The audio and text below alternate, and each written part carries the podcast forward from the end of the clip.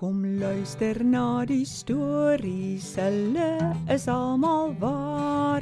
Hulle wil jou hart kom aanraak, so maak jou daarvoor klaar. Sjoe. Nou is ek aan lekker gang gang gaatjies steel. Hallo Toddy Karen. Hallo Tobias. Wat? Hoor ek? Jy het lekker by jou maatjie gespeel. Ja, Toddy. En dit was so lekker. Dit laat my nou dink. Het Jesus mense gaatjies gehad toe hy op die aarde was? Kom ek vertel jou. Net voor Jesus begin werk het tussen die mense, het hy vir hom 12 baie naby vriende uitgekies. Ons kan hulle ook sy disippels noem. 'n Disipel is iemand wat graag by jou wil leer, dit wat jy weet. Jesus het hulle geleer hoe dit is om 'n kind van God te wees. 'n Belangrike ding om te weet is dat Jesus gebid het voor hy hulle uitgekies het. In Lukas lees ons dat hy sommer die hele nag lank gebid het voor hulle gekies is. Nou, Daddy, het hulle dinge sang gedoen ook. Ja, baie dinge. Hulle het ook gesien hoe Jesus baie wonderwerke gedoen het. 'n Wonderwerk beteken Jesus het iets gedoen wat 'n mens nie gewoonweg kan verduidelik nie. Mense kan dit ook nie doen nie, net God kan. Een van die eerste wonderwerke wat ons van weet, het by 'n troue gebeur. O, Jutie, ek hou van troues. Vertel tog. Eendag is Jesus, sy ma Maria en sy disippels genooi na 'n troue in die dorpie Kana.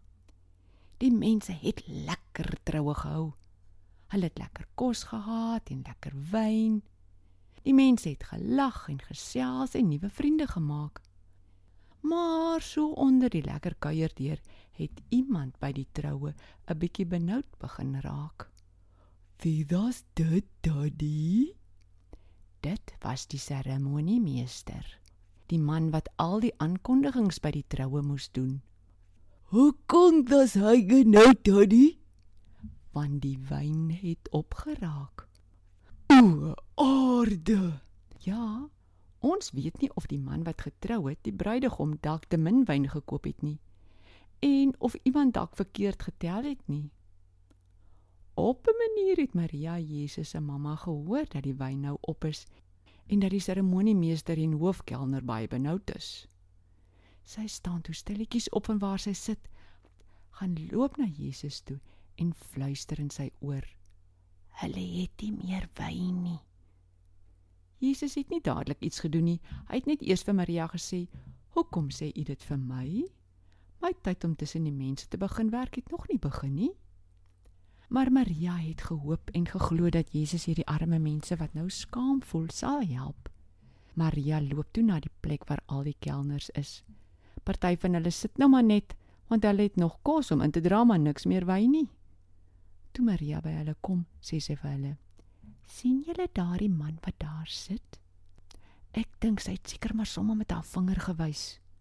Hulle knik hulle koppe en sê: "Ja, ons sien hom."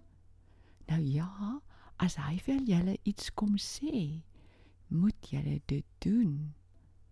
Ek dink die kelners het bietjie gefrons, want dit was 'n snaakse opdrag. Maar wat hulle nie geweet het nie, is dat hulle sommer nog meer gaan frons.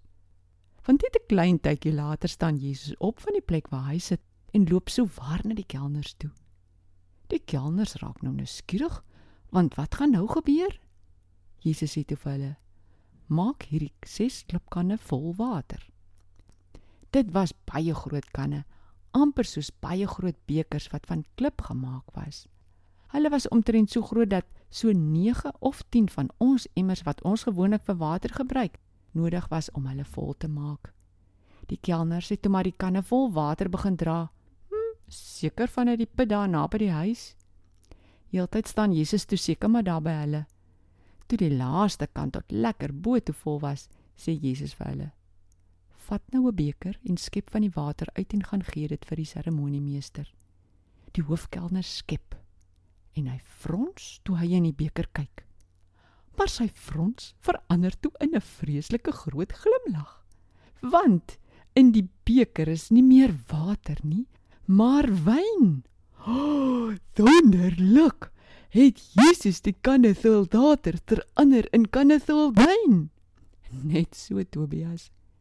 En nie sleg wyn nie, lekker wyn. Hoe weet dat dit? Ek weet dit want die Bybel vertel ons dat Jesus vir die kelner gevra het om die beker vol wyn na die seremoniemeester toe te vat. Hy gee dit vir die seremoniemeester en glimlag van oor tot oor terwyl hy wag om te hoor wat die seremoniemeester gaan sê. Die seremoniemeester proe die wyn en sê: "Hm, maar is dit nou heerlike wyn? Waar kom dit nou vandaan?" Die kelners het geweet. Dit was Jesus. Hulle het water ingegooi. Hy het langs die kanne gestaan en daar het wyn uitgekom.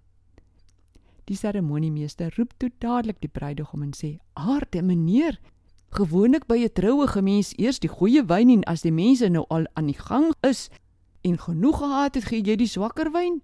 Maar jy meneer, jy het die goeie wyn vir laaste gehou." Die arme bruidegom wat nog heeltyd nie wou opkyk vandat hy gehoor het die wyn is op nie, het nou ook geproe aan die wyn en kon sy eie oë nie glo nie. Gou het die boodskap onder al die gaste versprei dat hier nou weer heerlike wyn is. En onderlangs het die storie ook geloop.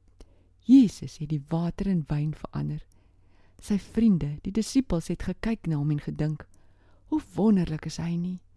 Ons glo in hom. Ons gaan hom volg." "Sjoe, Danny. Ons Jesus is fantasties wonderlik." Kyk net wat het hy gedoen om vir sy vriend die kruidiging te help. Ja, vriende is daar om vir mekaar te help en te leer. En Jesus is ons beste vriend. O, lekker. Ek wil dit nou dadelik vir my gaatjie gaan vertel. Totsiens, Tannie. Totsiens, Tobias.